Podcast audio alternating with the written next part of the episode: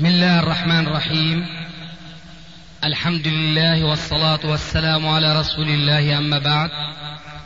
فهذا أحد أشرطة سلسلة الهدى والنور من الدروس العلمية والفتاوى الشرعية لشيخنا المحدث العلامة محمد ناصر الدين الألباني حفظه الله ونفع به الجميع. قام بتسجيلها والتأليف بينها محمد بن أحمد أبو ليلى الأثري. إخوة الإيمان والآن مع الشريط الخامس والعشرين بعد المئة الرابعة. لكني أنا أردت أن أقول لابد أن في هذا الخبر الإسرائيلي شيئا آه، حرك نفسك للسؤال عنه. بمعنى ما بهم الآن أن نعرف أن هذا الخبر الإسرائيلي صح عن موسى أو لم يصح؟ والجواب أنه لا يمكن معرفة لكن بيهمنا أن نعرف أن هذا الكلام صحيح ولا لا. هذا يمكن لدفعك لهذا السؤال. فالآن أرى أن تطور سؤالك. أنت أن تطور سؤالك. فما الذي فهمت من هذا الأثر بغض النظر عن مصدره؟ هل في إشكال من الناحية الشرعية؟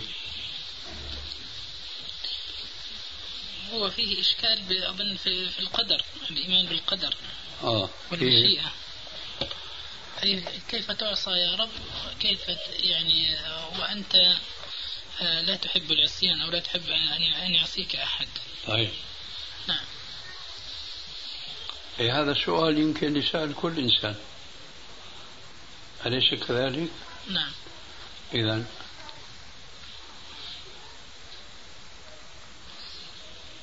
يعني هذا السؤال ما بيخطر في بال غير موسى؟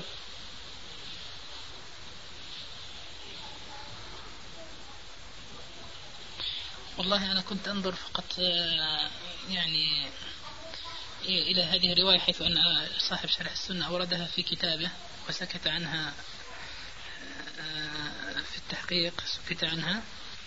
وكنت أقرأ يعني هذا الموضوع فأحببت أن أسأل سبحان الله عن عن السند حتى أتأكد شككت فيما جاء فيها. لكن حتى ليطمئن قلبي على أن هذه الرواية هي مردودة في أصلها.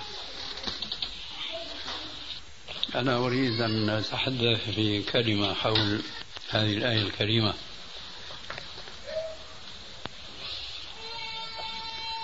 وبعد ذلك آه، نفهم شيئا يتعلق بهذا الأثر أو هذا الخبر. المنسوب إلى موسى عليه السلام. لا يسأل عما يفعل وهم يسألون.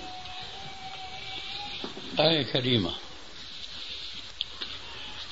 يحتج بها الجبريون. بل يحتج بها المنتسبون إلى الأشاعرة.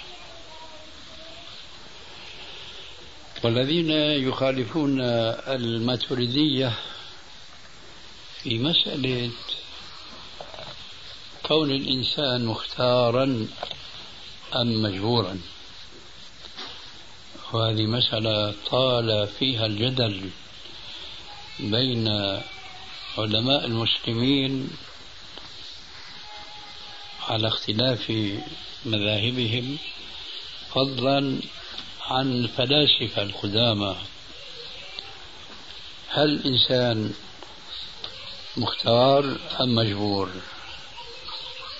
لهذا أنا قلت يا ترى ما دار في نفسك لما قرأت هذا الأثر أو هذا الخبر أنك تتساءل موسى هل يشعر بشعورنا حتى اندفع ليسأل هذا السؤال ربه تبارك وتعالى إن صح الخبر عنه. لذلك قلت لنضرب صفحا عن هذا الخبر صح ولا لكن إيش موقف المسلم؟ تجاه المحاورة التي جرت من موسى إلى ربه. وجواب رب موسى لموسى أنه أنا لا أسأل. الذين يذهبون إلى أن الإنسان مجبور هم بلا شك يعني أبعد ما يكونون عن الشرع والعقل معا. ذلك لأن المسؤولية لا يمكن أن تلتقي مع الجبر. لابد أن يكون في هناك اختيار حتى يصح أن يقال من الحاكم العادل للمجرم لما فعلت هذا. فلو كان مجبورا يقول أنا مجبور ولست بالمسؤول وهذه بداهة مستقرة في فطر الناس جميعا. لذلك ليس فقط الشريعة الإسلامية وما قبلها من الشرائع السماوية فرقت بين المختار وبين المجبور على المعصية بل حتى القوانين الوضعية العقلية التي لا تستند إلى الشرائع السماوية أيضا هذه القوانين الوضعية تفرق بين مجبور وبين مختار. وهذه الحقيقة لسنا بحاجة إلى ضرب الأمثلة سواء من الناحية الشرعية أو من الناحية القانونية. لكن حسبنا قول قولنا في مسألة قتل العمد وقتل الخطأ. لماذا هذا التفصيل والتفريق في النتيجة بين من يقتل خطأ وبين يقتل عمدا؟ المتعمد مختار والقاتل الخطأ غير مختار. كذلك كما قلنا في القوانين النظم العسكرية مثلا تفرق بين جندي آه، زلت به القدم فقتل إنسانا فلا يقول له القائد لما قتلته وبالعكس يسأله ويحاسبه. الآن هما مذهبان. في الفرق الإسلامية. مذهب المعتزلة الذين يقولون إن الإنسان ليس فقط مختارا بل هو يخلق أفعال نفسه. والمذهب المخالف له مذهب الأشاعرة الذين يقولون الإنسان مجبور لا يملك شيئا. بل قال أحد الذين كانوا يتبنون القول بالجبر يصف علاقة العبد مع الرب فيقول عن الله عز وجل وعبده ألقاه في اليم مكتوفا ثم قال له إياك إياك أن تبتل بالماء. لو أراد إنسان عاقل أن يصف أظلم الظالمين وأجبر الجبارين بجبروته لما استطاع أن يصف بأكثر مما وصف هذا الإنسان ربه. حين قال عن العبد أن الله ألقاه في البحر مكتوفا ثم قال له إياك إياك أن تبتل بالماء. هذا منتهى الظلم بالنسبة للمذهب الأول مذهب المعتزلة الذين يقولون بالاختيار المطلق من جهة ثم يصرحون بما يخالف الشريعة بأن الإنسان يخلق أفعال نفسه. هناك مذهب وسط وهو مذهب أهل الحديث ووافقهم في ذلك الماتريدية الذين يمثلون العقيدة الحنفية في المذهب الحنفي لأن الأحناف لهم مذهبان مذهب في الأحكام فهم على مذهب أبي حنيفة وصاحبيه أبي يوسف ومحمد. أما في العقائد فهم على مذهب أبي منصور الماتريدي. فأبو منصور الماتريدي خالف المعتزلة من جهة وخالف الأشاعرة من جهة أخرى وهو قال بالاختيار خلافا للأشاعرة ولم يقل بأن الإنسان يخلق أفعال نفسه كما قال المعتزلة. وهذا هو مذهب أهل الحديث. ومن هنا يظهر معقولية تكليف العباد تبارك وتعالى بالطاعة ونهيهم عن المعصية لأن الله خلقهم مستعدين مستطيعين لتنفيذ الأوامر والاجتناب عن النواهي. وإلا لو كان الأمر كما قال الأشاعرة أو الأشعرية أن الإنسان مجبور فما معنى قول رب العالمين افعل ولا تفعل؟ وهو يخاطب إنسانا مغللا. هذا أمر مستحيل. هنا الآن بعد هذه التوطئة نأتي إلى الآية. يقول الله عز وجل لا أسأل عما أفعل وهم يسألون. الجبرية تأولوا هذه الآية.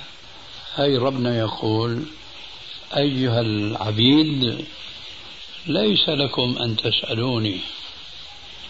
لماذا خلقت وفعلت وإلى آخره؟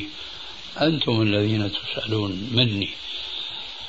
كأنهم يفسرون الآية بمعنى أن الله يفعل ما يشاء بحق وكما قال تعالى فعال لما يريد ولكن يفصلون الحكمة عن الإرادة الإلهية والعدل عن الإرادة الإلهية فهو يفعل ما يشاء. من هنا جاءت طامة كبرى في المذهب الأشعري حيث صرحوا بأن لله تعذيب الطائع وإثابة العاصي. وإذا أريد شرح هذه الضلالة الكبرى يقولون يجوز لله عز وجل أن يأخذ إبليس يوم القيامة ويجعله في المقام المحمود وأن يضع محمدا عليه السلام في أسفل سافلين محل إبليس الرجيم. يقولون هذا جائز على الله. لأنه فعال لما يشاء. لا يسأل عما يفعل وهم يسألون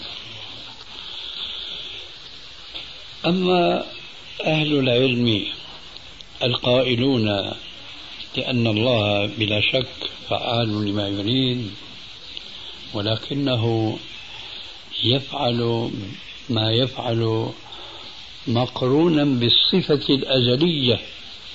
الملازمة له والتي لا يمكن لمسلم أن يتصور إطلاقا انفصال هذه الصفة عن الله بحيث أنه إذا فعل شيئا نقول مثلا لا يستطيع مسلم أن يتصور أن الله عز وجل إذا فعل شيئا فعله بغير علم. فعله بغير عدل. وعليكم السلام ورحمة الله. تفضل يا خالد. هون عن صاحبك هذا أبو أحمد. مع أبو أحمد. إيه، ما شاء الله أبو أحمد أخذ محلين أنت. ما شاء الله. أبو تعال تعال تعال تعال. إلي إلي إلي. عيني أكثر يلا. الله يجزيك ما بدنا نضايقكم. ما في مضايق.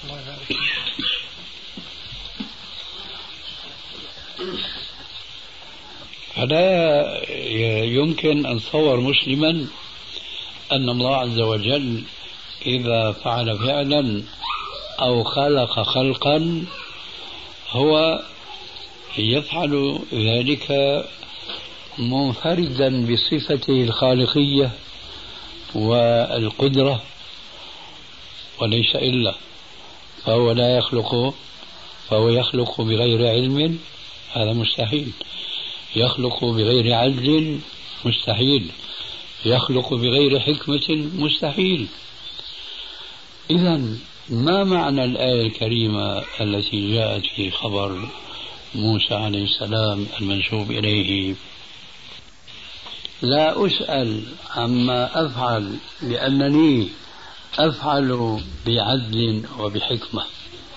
وأنتم تسألون لأنكم عبيد عاجزون مخطئون. تظلمون أنفسكم وتظلمون غيركم.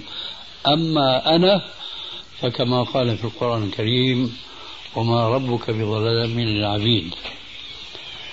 لا يظلم مثقال ذرة مثقال ذرة. وكما جاء في الحديث الصحيح الحديث القدسي قال الله تبارك وتعالى يا عبادي إني حرمت الظلم على نفسي وجعلته محرما بينكم فلا تظالموا وفي رواية فلا تظالموا. يا عبادي كلكم جائع إلا من أطعمته فاستطعموني أطعمكم. يا عبادي كلكم عار إلا من كسوته فاستكسوني أكسكم. يا عبادي كلكم ضال إلا من هديته فاستهدوني أهلكم. يا عبادي لو أن أولكم وإنسكم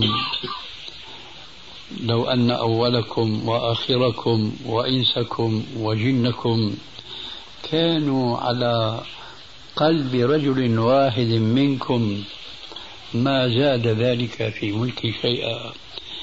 يا عبادي يا عبادي إنما هي أعمالكم أحصيها عليكم.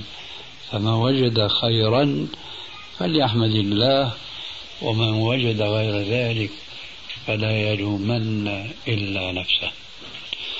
الشاهد من هذا الحديث بعد بعض الآيات التي أشرت إليها آنفا أن الله عز وجل صرح في هذا الحديث الصحيح في مسلم أن الظلم المعهود بين الناس هذا الظلم الذي ترفع الله عنه ونزه نفسه عنه. أقول هذا لأن من فتنة تلك المقالة التي ذكرتها آنفا واللازمة لمذهب الأشاعرة القائلين بأن الإنسان مجهول وأن الله يفعل ما يشاء لا يسأل. حتى على ضوء المثال الفاهج جدا جدا ولا أستحسن إعادته. على ضوء هذا قالوا كيف تقولون؟ يجوز على الله. والله قد نزه نفسه من الظلم بنص القرآن الكريم. كان جوابهم ما هو الظلم؟ الظلم أن يتصرف الإنسان في ملك غيره وخلق الله وعبيده هم من خلقه فإذا هو يفعل فيه ما يشاء. فلا يصدق في زعمهم الظلم المعهود عند الناس لا ينطبق على الله لأن الظلم المعهود عند الناس هو أن يتصرف أحدنا في ملك غيره. أما الله الملك كله لله فإذا هو يجوز له أن يتصرف فيهم كما يشاء فيلقي في النار من لا يستحق النار وإنما يستحق الجنة ويدخل الجنة من لا يستحق الجنة واللائق به النار. هذا ليس ظلما لأنه يتصرف في ملكه في خلقه كما يشاء. يأتي الحديث كما يقال اليوم فيضع النقاط على الحروف ويفسر الظلم ليس بالتفسير الذي فسره الأشاعرة بل يقول الظلم المعروف عندكم أنه ظلم فالله قد تنزه عنه. إني حرمت الظلم على نفسي. فلا تظالموا أنتم. عليكم السلام ورحمة الله. فنحن حينما نظلم يظلم بعضنا بعضا آه، يتصرف أحدنا في ملك غيره صحيح لكن الله عز وجل وسع معنى الظلم بأكثر مما قاله الأشاعرة. الآن يلزم مخالفتان اثنتان من تفسير الأشاعرة للظلم. فرارا من مخالفتهم للآيات الصريحة. مفسدتان. المفسدة الأولى مخالفتهم للحديث الصحيح. إني حرمت الظلم على نفسي وجعلت هذا الظلم بينكم محرما فلا تظالموا. إذا الظلم واحد. الشيء الثاني التصرف في ملك الغير. أنا الآن أملك نفسي. فهل يجوز لي أن أظلم نفسي؟ الله يقول فلا تظلموا فيهن أنفسكم. إذا قولهم التصرف في ملك الغير هذا تفسير قاصر باطل عاطل شرعا وعقلا لأن الإنسان لا يجوز له أن يتصرف في نفسه. هل يجوز مثلا للإنسان أن يقتل نفسه؟ ما يعتدي على غيره. لا يجوز بداهة. بل لا يجوز أن يرتكب معصية لأنه يظلم بها نفسه هكذا فإذا تفسير الظلم عند الأشاعرة ناتج عن انحراف جذري في موضوع يتعلق بالإنسان ألا وهو هل هو مختار أم هو مجبور؟ فهم قالوا بالجبر. وعلى ضوء هذه القولة الباطلة كما قلت آنفا شرعا وعقلا يتأولون النصوص منها لا أسأل عما أفعل. لماذا؟ لأني أفعل ما أريد. أدخل هذا الجنة وهو أهل للنار. والعكس بالعكس. لا. إنما المعنى لا أسأل عما أفعل لأني كل ما أفعله لحكمة. ولعدل قد يخفى عليكم يا عبادي ولكني فعال لما أريد بالعدل والحكمة. أما أنتم فلستم كذلك. والواقع يشهد بهذا. حينئذ لو أردنا أن نناقش هذا السؤال المروي عن موسى ماذا يخرج معنا؟ يخرج معنا أن موسى كان جبريا. كان يتبنى رأي الأشاعرة الذين ما كانوا خلقوا بعد ولكن كان أمثالهم قد خلقوا في كل زمان ومكان. لأنه عقيدة كون الإنسان مجبور أو مختار. ما هي كما يقال من بنات أفكار بعض الفرق الإسلامية؟ هذا بحثه الفلاسفة قبل الإسلام زمن كبير هو طويل. ولذلك فليس من المعقول أن يتوجه موسى عليه السلام بمثل هذا السؤال لأن هذا السؤال إن فهم على مذهب الجبرية عقل أن يتوجه لإزالة الشبهة أن يسأل الله كيف هذا؟ وأنت تريد تأمر بالطاعة وتعصى.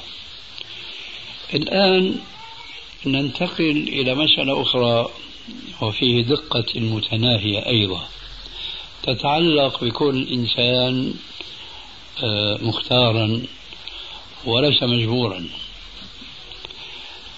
هذه المسألة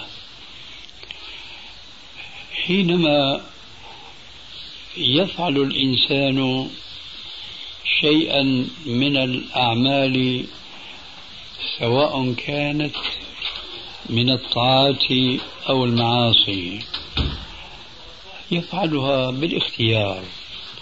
هل يفعلها بمشيئة الله أم دون مشيئة الله. هنا آه، يخرج وعليكم السلام ورحمة الله. حينما يفعل الإنسان فعلا ما سواء كان طاعة أو كان معصية فهل ذلك بمشيئة الله وإرادته؟ أم لا؟ على قول المعتزلة ليس بمشيئة الله وإرادته لأنهم قالوا إن الإنسان يخلق أفعال نفسه بنفسه والله لا يريد ذلك. وهذا نوع من الضلال آخر نوع من الضلال آخر وقع فيه المعتزلة. تفرع هذا الضلال من ذاك الضلال. حينما قالوا الإنسان يخلق أفعال نفسه بنفسه. يقابل هذا القول قول الأشاعرة مع تأويل أما القول فمسلم به وهو أن أي شيء يفعله الإنسان طاعة ومعصية بمشيئة الله وإرادته وهذا حق. لأن الله عز وجل يقول وما تشاءون إلا أن يشاء الله رب العالمين. لكنهم يستلزمون وهنا النقطة الحساسة التي يجب على كل مسلم أن يفهمها جيدا. يقرنون إلى هذا القول الحق فإذا هو مجبور. ما دام كل شيء بمشيئة الله فإذا هو مجبور. أما أهل السنة أهل الحديث ومعهم الماتريدية فإنهم يقولون لا تلازم بين كون الإنسان حينما يفعل الشيء يفعله بمشيئة الله وإرادته وبين كونه مجبورا لا تلازم بل هناك انفكاك. الله عز وجل كل شيء بمشيئته. ولكن هذه المشيئة لا تنفي المشيئة عن العبد ولا ترفع الاختيار عنه. فإذا الإنسان المكلف حينما يفعل الفعل بغض النظر عن كونه طاعة أو معصية ففي الوقت الذي يفعل ما يفعل بإرادة الله ومشيئته فهو أيضا بإرادة هذا الإنسان المكلف. فإذا ما تصورنا حالة لهذا الإنسان فعل ما فعل مضطرا غير مختار ارتفعت المسؤولية. من الله عن عبده هذا وهذا من عجل الله وحكمته في عباده. من هنا يأتي آه، إعادة التذكير بالمثال السابق. ربنا عز وجل فإذا الإنسان المكلف حينما يفعل الفعل بغض النظر عن كونه طاعة أو معصية ففي الوقت الذي يفعل ما يفعل بإرادة الله ومشيئته فهو أيضا بإرادة هذا الإنسان المكلف. فإذا ما تصورنا حالة لهذا الإنسان فعل ما فعل مضطرا غير مختار ارتفعت المسؤولية. من الله عن عبده هذا وهذا من عدل الله وحكمته في عباده. من هنا يأتي آه، إعادة التذكير بالمثال السابق. ربنا عز وجل لا يقول للقاتل الخطأ لماذا قتلته لأن الاختيار لم يكن في يده يوم قتل خطأ وعلى العكس من ذلك. يقول لقاتل العمد لماذا قتلته لأنه كان مختارا في القتل. فإذا نستطيع أن نقول الآن بأن إرادة الله تبارك وتعالى أولا لا تنافي كون الإنسان مختارا بصورة عامة ولا تنافي أن يكون الإنسان مختارا حينما يفعل الفعل سواء كان طاعة أو معصية. هذا كقاعدة.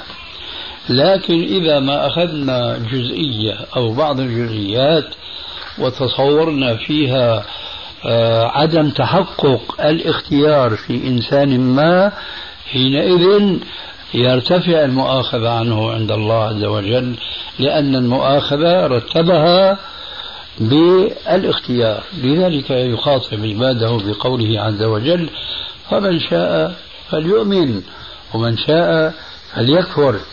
إذا مناط التكليف تكليف الله لعباده مربوط بوجود هذا الاختيار الذي أقامه الله عز وجل في عباده ليصح أن يؤاخذ أن يثاب وأن يعاقب.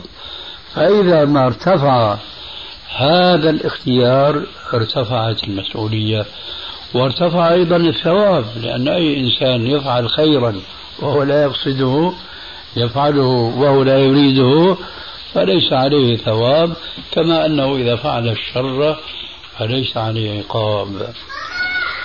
ضربته آنفا مثلا معهودا ولكني سأضرب لكم مثلا ليس معروفا. قاتل العمد وقاتل الخطأ. لو أن رجلا زنى بامرأة, بامرأة رغما عنها يرفع الحد عنها ويقام الحد على الزاني وهذا من الأمثلة الكثيرة والكثيرة جدا التي تلفت نظر القاصرين في عقلهم وتفكيرهم القائلين بأن الإنسان مضطر لماذا فرق الشارع بين القاتل العمد والقاتل الخطأ؟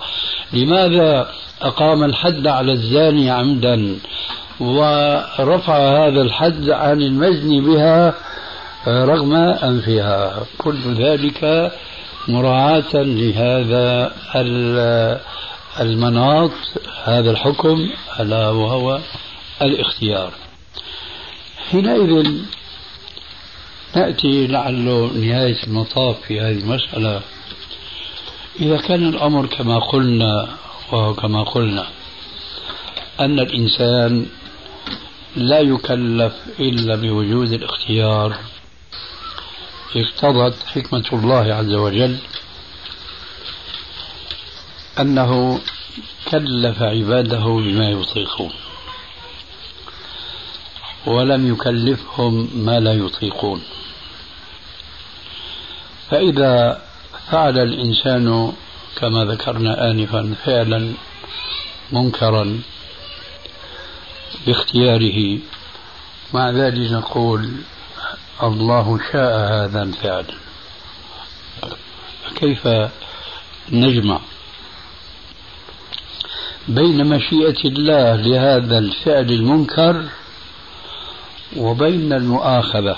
لأنه هنا سيرد سؤال وهي من أسباب القول بالجبر دون الاختيار. إذا إذا كان كل شيء يقع بمشيئة الله من هذه المنكرات فإذا وين بقي الاختيار الذي ندندن أن التكليف منوط به؟ الجواب إن من حكمة الله عز وجل في خلقه أنه كلفهم أن يفعلوا ما في اختيارهم. أما كيف نجمع في عقلنا الضيق القاصر أن نفهم السر كيف يكون هذا الإنسان مختارا وإرادة الله هي الغالبة؟ هذا لا مناص لنا منه. وما تشاءون إلا أن يشاء الله. وهنا تفرق الناس. منهم قالوا إذا إنسان مجبور لأن مشيئة الله هي الغالبة. ناس قالوا لا إذا بدنا نقول مشيئة الله هي الغالبة إذا الإنسان مجبور فنحن نقول أي معتزلة يقولون إذا إرادة الله لا تتعلق بأفعال العباد من هنا جاءت ضلالتهم الكبرى بأنهم يخلقون أفعالهم بأنفسهم. أما أهل السنة فهم يعترفون أولا ومبدئيا بأن صفة من صفات الله عز وجل لا يمكن لأي عبد أن يحيط بها علما. فهو لا يستطيع أن يقول كيف يريد الله من عبده ألا يفعل؟ ثم هذا العبد يفعل ما لا يريد الله كما جاء في سؤال موسى. هنا لابد من التفريق بين محبة الله للشيء وإرادة الله للشيء. فكل شيء يحبه الله ووقع فهو مراد له ولكن ليس كل ما يحبه يقع. كل شيء يحبه الله عز وجل فوقع فهو مراد له ولكن ليس كل ما يحبه الله يقع. وهذا ما يحتاج إلى دليل. يريد من عباده الإيمان فمنهم المؤمن ومنهم الكافر. ما وقع الذي يريده بمعنى يحبه؟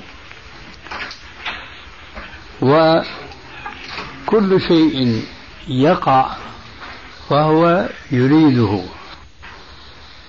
ولكن ليس كل شيء يقع هو يحبه. لأن الله عز وجل لا يحب الكفر ومع ذلك الكفر واقع. والإيمان يحبه لكن كثير من الناس لا يؤمنون فلم يقع. بعبارة أخرى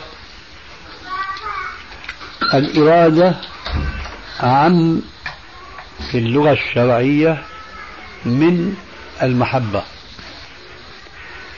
فكل مراد وقع فقد يكون محبوبا وقد يكون مكروها. وعلى العكس من ذلك كثير مما يحبه الله عز وجل لا يقع. فإذا ما وقع من الإنسان معصية ما نقول هذا بإرادة الله ولكن لا يحبه الله. أما إذا كان الواقع هو الإيمان والعمل الصالح فهنا اجتمع الأمران الحب من الله والإرادة له. من أين نأخذ هذا التعميم في الإرادة؟ إنما أمره إذا أراد شيئا أن يقول له كن فيكون.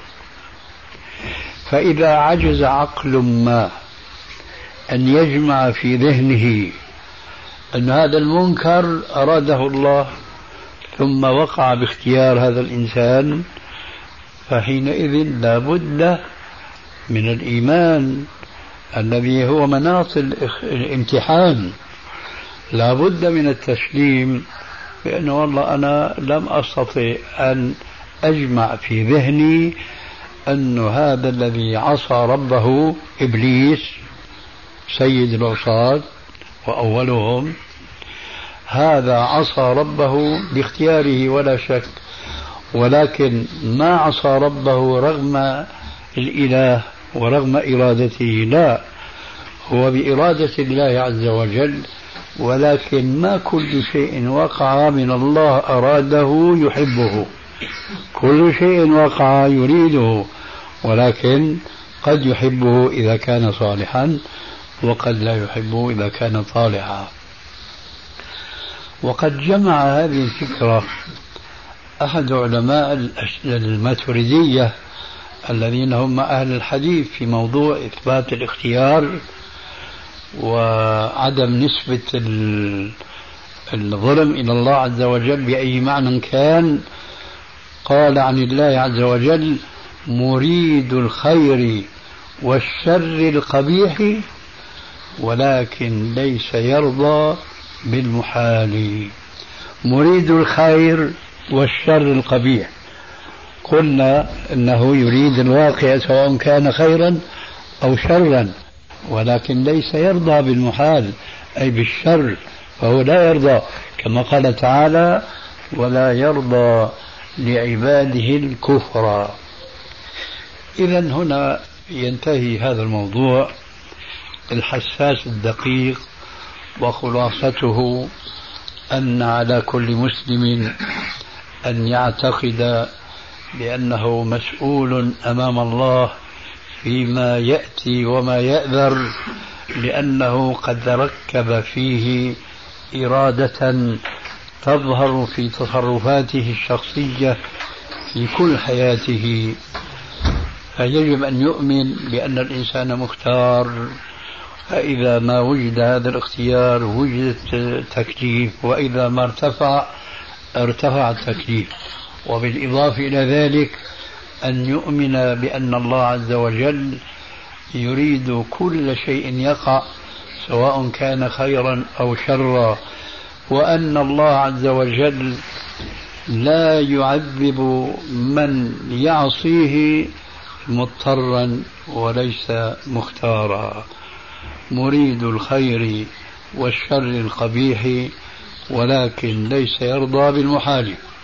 وأعتقد من تجربتي الطويلة في بحثي لمثل هذه المسألة أنه قد يخطر في بال أحد الحاضرين بعض الأسئلة المتعلقة بالموضوع فأنا أستحب وأرى من تمام البحث أنه إذا آه، لم يتضح لبعض الحاضرين جانب من جوانب الموضوع المثار آنفا أن يحرك الموضوع من جديد بطرحه للسؤال الذي يكشف عما يكون قد خفي عليه.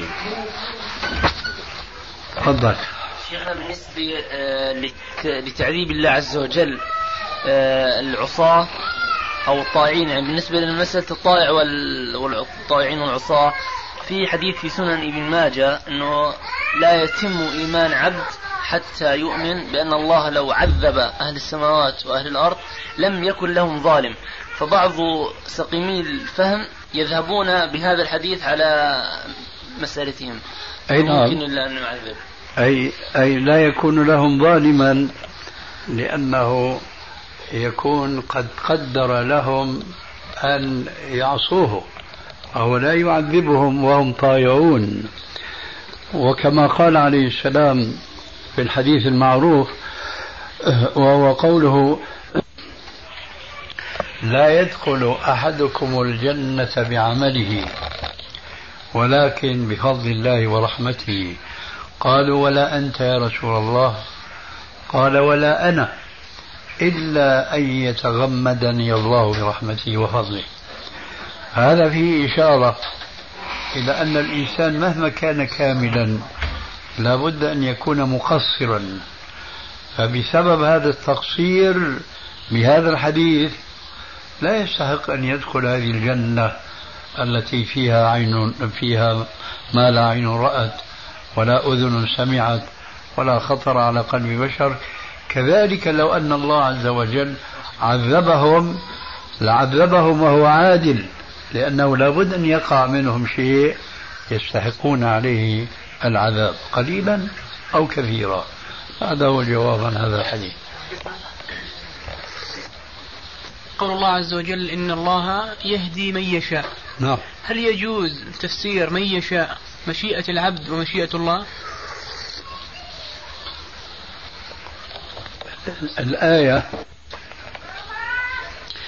تفسيرها الصحيح إن الله يهدي من يشاء الله هدايته. أي معنى الآية؟ ولكن هذا لا ينفي المعنى الآخر من باب اللزوم وليس من باب التفسير اللفظي للآية. آه، هنا يأتي سؤال. وفيه الجواب عما سألت. إذا فسرنا إن الله يهدي من يشاء الله له هدايته. السؤال فمن يشاء الله هدايته؟ هل يشاء الله هدايته؟ من لا يشاء الهداية ويشاء الكفر؟ أم يهدي الله عز وجل من يشاء الهداية ولا يشاء الكفر والضلالة. الجواب في الآية المعروفة. فأما من أعطى واتقى وصدق بالحسنى فسنيسره لليسرى. وأما من بخل واستغنى وكذب بالحسنى فسنيسره للعسرى. إذا يجب تفسير الآية التي سألت عنها بالآية الأخرى وتخرج في النتيجة بالمعنى الذي إذا فسرت الآية الأولى خطأ من الناحية اللفظية يكون خطأ لكن من حيث المعنى يكون صوابا واضح؟ قد يقول قائل الذي يبخل ويستغني ويكذب بالحسنى يفعل هذه الأفعال لنفسيه خلقها الله سبحانه وتعالى فيه فما هو الرد على هذا؟ آه الرد الخلق من أجل هذا طرحت آنفا أنه إذا كان عندكم أسئلة فاطرحوها. الخلق نوعان. خلق الله عز وجل نوعان. وهذا من دقائق علم العقيدة. خلق مباشر من الله عز وجل فهذا ليس للإنسان, في للإنسان فيه خيارة. وانظروا الآن في هذه الجلسة.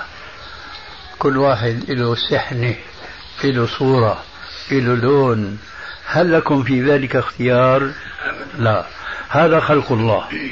لكن من جهة أخرى أعني خلق الله مباشرة. ليس لنا فيه كسب. لكن انظروا الآن. كل واحد لابس لباس شكل. هذا أيضا خلق الله. لكن هنا دخل اختياركم. دخل فعلكم. فهذا الفعل الذي فعلتموه وهذا الاختيار الذي اخترتموه في هذا المثال البسيط هو أيضا بخلق الله ومشيئته. فإذا لاحظنا هذا التفريق أن هناك خلقا من الله مباشرا فالله لا يخلق الإنسان كافرا. بمعنى مرغما على الكفر يخلقه مقدرا عليه الكفر. هذا لا إشكال فيه. لكن ما يخلقه كافرا بحيث أنه لا يمكن أن يهتدي. لماذا؟ لأننا نعود إلى بحثنا السابق لو أن الإنسان خلقه الله في الأصل كافرا لا يمكن أن يهتدي. فإذا هؤلاء الكفار الذين أرسلت إليهم رسل وأنزلت الكتب على هؤلاء الرسل لماذا؟ لأن عندهم الاستعداد الفطري لتقبل هداية الله عز وجل. ولهذا قال عليه السلام ما من مولود يولد إلا على الفطرة. على الفطرة مش على الكفر. فأبواه يهودانه أو ينصرانه أو يمجسانه. انظروا الآن الولد. حينما يخلق يخلق من الله مباشرة ليس للإنسان فيه كسب. هذا ذكر وتلك أنثى.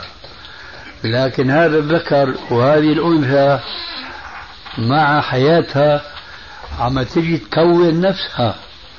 وتكون لها آه، أخلاق وعقائد وإلى آخره بحيث يأتي القول لماذا تفعل هذا ولا تفعل هذا.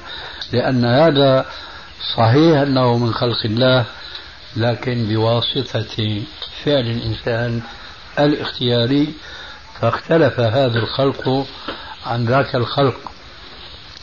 فخلق من الله لا يؤاخذ فيه الإنسان لأن الله خلقه باختياره دون كسب الإنسان. وخلق يخلقه الله عز وجل بواسطة الإنسان. مثلا الإنسان الذي يعيش أعزب هل يمكن أن يأتيه ولد؟ لا. والله قادر على أن يخلق ولدا بدون أب وأم وبدون أب وبأم إلى آخره. لكن هذه أمور خارقة للعادة. أما سنة الله في خلقه فلن تجد إنسانا لا يتزوج ويأتيه ولد. طيب. فإذا ما تزوج هذا الإنسان ورزق ولدا هذا الولد خلقه الله بلا شك. لكن هل يستوي خلق الله لهذا الولد كخلق الله لآدم؟ الجواب لا. كخلق الله لعيسى؟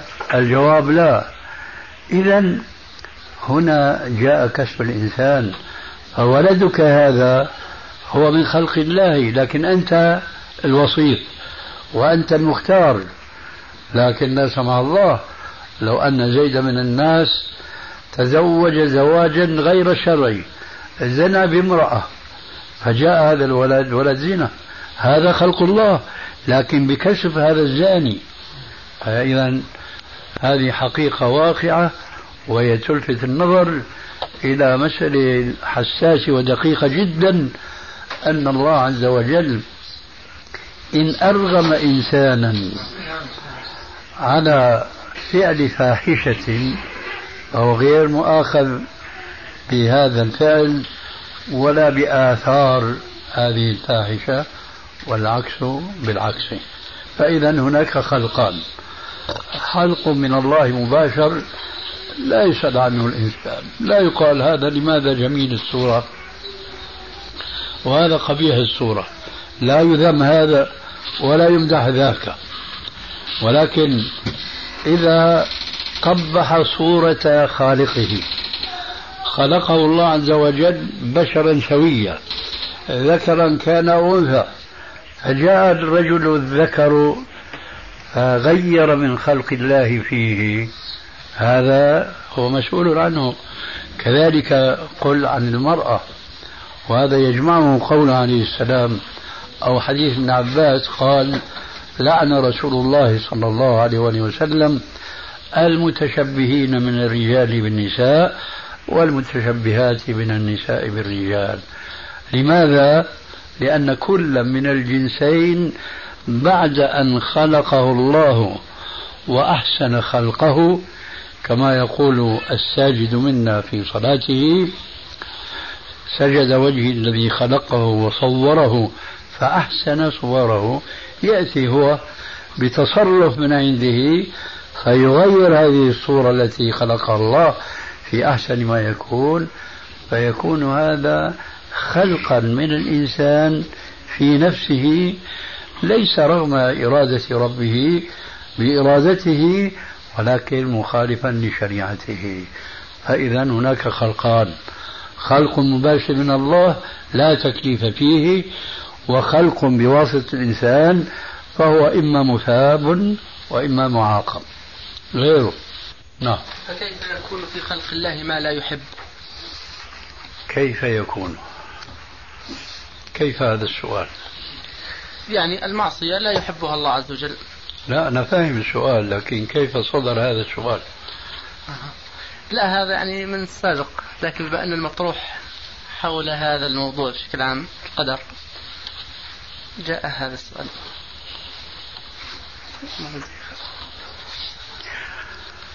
يعني ما عرف الجواب عن هذا السؤال على ضوء ما سبق حتى وجه. لذلك أنا عم أقول كيف هذا السؤال. أعيده علي بركي بفهم شيء جديد. كيف يكون في خلق الله أو فكيف يكون في خلق الله ما لا يحب؟ لأنه كلف الناس وتركهم على خيرتهم. هذا سبق. وجبنا الآية. فأما من أعطى واتقى وصدق بالحسنى فسنيسره لليسرى إلى تمام الآية. يعني أيضا ذكرنا الآية الأخرى فمن شاء فليؤمن ومن شاء فليكفر. يعني ترك لهم الاختيار فربنا يحب لعباده أن يختاروا ما شاءوا فإذا اختاروا الهدى أحب ذلك منهم. وإذا اختاروا الضلال كره ذلك منهم وكله بإرادة الله عز وجل. سؤال يا شيخ خارج عن هذا يمكن قريب منه. قال رجل للنبي صلى الله عليه وسلم أرأيت الرجل يحسن في الإسلام؟ أيؤاخذ بما عمل في الجاهلية؟ قال فقال النبي صلى الله عليه وسلم من أحسن في الإسلام لم يؤاخذ بما عمل في الجاهلية. ومن أساء في الإسلام أخذ بالأول والآخر. نعم. فماذا يقصد؟ طبعا من أحسن في الإسلام لم يؤاخذ بما عمل في الجاهلية. هل آه، يقصد بذلك أنه لم يرتد عن الإسلام؟ طبعا هو مسلم كيف لم يرتد؟ يعني معنى أساء ومن أساء في الإسلام لك شو؟ المقصود. واحد كان يسرق في الجاهلية. وأسلم. وظل يسرق في الإسلام. فيؤاخذ بهذا وذاك. رجل كان كافرا مشركا. نعم. وعلى شركه كان سيء التصرف. كان يسرق كان يظلم. كان يشرب الخمر. كان كان إلى آخره. ثم أسلم. الإسلام يجب ما قبله. لكن هذا الحديث يدخل لهذه الجملة لهذه القاعدة تخصيصا. الإسلام يجب ما قبله. فالذي أسلم وكان مثلا سارقا. فبإسلامه كما انتهى عن الكفر انتهى عن السرقة.